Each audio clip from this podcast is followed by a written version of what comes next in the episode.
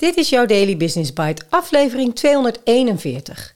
Met een groot ego kom je er bij ons niet in. Deel 2 door Herwin Tolen op businessinsider.nl. Gisteren hebben we gezien wat er gebeurt als een leider van zijn gezin de waarheid te horen krijgt en aan het werk gaat met zijn leiderschap. In een wereld waar dit niet gebruikelijk is. Ik heb nog zoveel vragen hierover en vind het reuze interessant. Ik hoop jij ook, dus laten we snel gaan luisteren. Je luistert naar Daily Business Bites met Marja Den Braber, waarin ze voor jou de beste artikelen over persoonlijke ontwikkeling en ondernemen selecteert en voorleest. Elke dag in minder dan 10 minuten.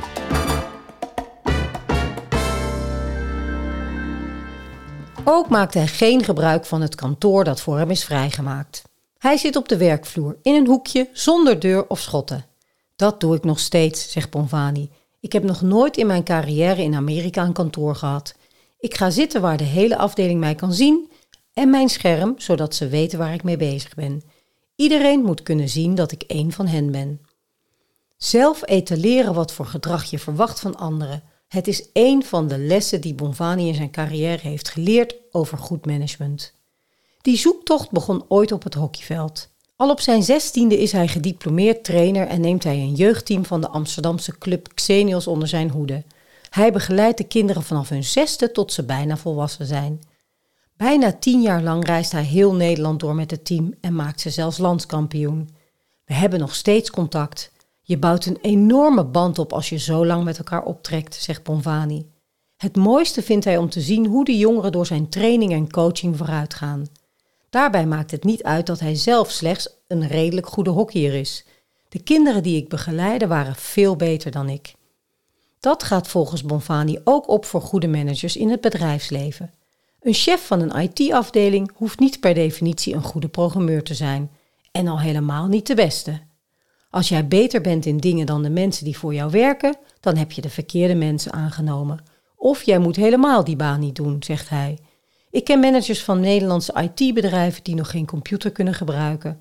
Hun secretaresse print e-mail voor ze uit, maar het zijn wel leiders. Managen is een vak, vindt Bovani.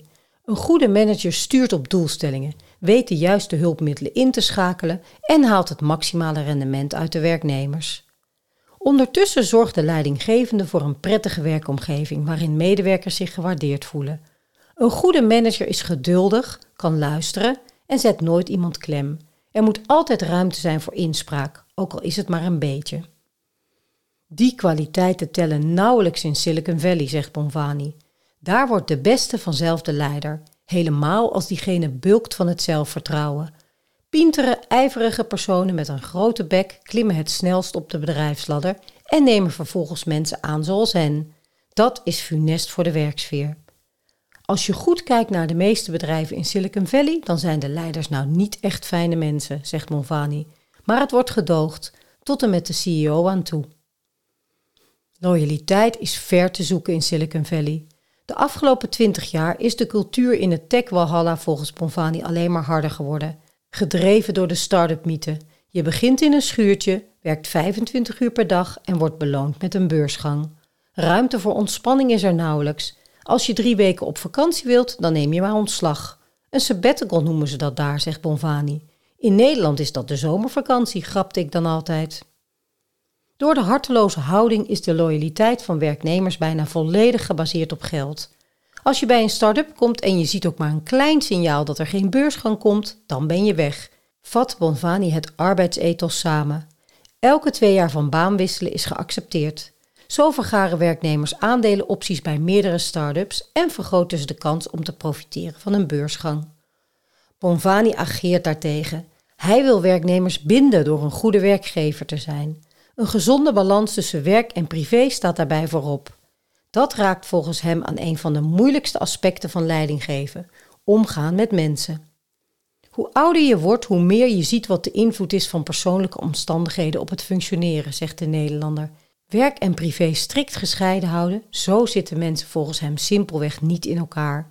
Die denken de hele dag na over of ze de hond wel hebben uitgelaten. Een leidinggevende moet oog hebben voor de menselijke kant om iemand beter te maken. Een luisterend oor bieden, mensen begeleiden in hun loopbaan en ondersteunen, vooral bij tegenspoed. Als jij een paar weken voor je moeder moet zorgen omdat ze naar het ziekenhuis moet, dan moet je dat vooral doen. Dat heb ik liever dan dat je op kantoor de hele dag aan haar denkt, zegt Bonvani. Palo Alto Networks is een uitzondering op de altijd maar doorgaan cultuur van Silicon Valley. En daar is Bonvani maar wat trots op. We hebben geen tolerantie voor mensen met een groot ego. Geen grote kantoren voor managers, privé-parkeerplaatsen of aparte kantines. Daar ben ik toch voor een groot deel verantwoordelijk voor, zegt hij. Als ik bij het hoofdkantoor kom, moet ik gewoon in hetzelfde pak parkeren als iedereen. Daily Business Bites met Marja Den Braber. Je luisterde naar Met een groot ego kom je er bij ons niet in, deel 2, door Herwin Tolen. Dit tweede deel triggert iets in mij. Want ik heb een broertje dood aan dingen zoals René aangeeft. Dat pintere, ijverige personen met een grote bek het snelste bedrijfsladder opklimmen. En vervolgens ook mensen aannemen zoals ze zelf zijn. Dat dat funest is voor de werksfeer. En dat het gedoogd wordt tot en met de CEO.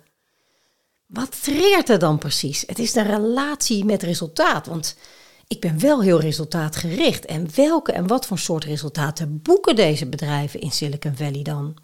Boeken ze ondanks dit haaiengedrag toch goede resultaten? Of zijn het resultaten op korte termijn? Of zijn ze niet duurzaam? Of zou het resultaat een veelvoud kunnen zijn als ze het op een andere manier zouden doen? Want natuurlijk werkt het fijner, en daar sta ik ook heel erg voor, als je een veilige omgeving creëert, naar elkaar luistert, een goede balans werk-privé creëert en eigenlijk gewoon goed scoort op de V6. Veiligheid, vertrouwen, verbinding, vakmanschap, voortgang en voeding. En de relaties van deze factoren met resultaat zijn echt aantoonbaar. Maar stel je voor dat je het allemaal aan je laars lapt en met keihard haaien gedrag ook resultaten boekt. Wat vind je daar dan van? Ik vind het lekker hoor, deze verschillende perspectieven. Ik wens je een fijn weekend en ik spreek je heel graag maandag weer.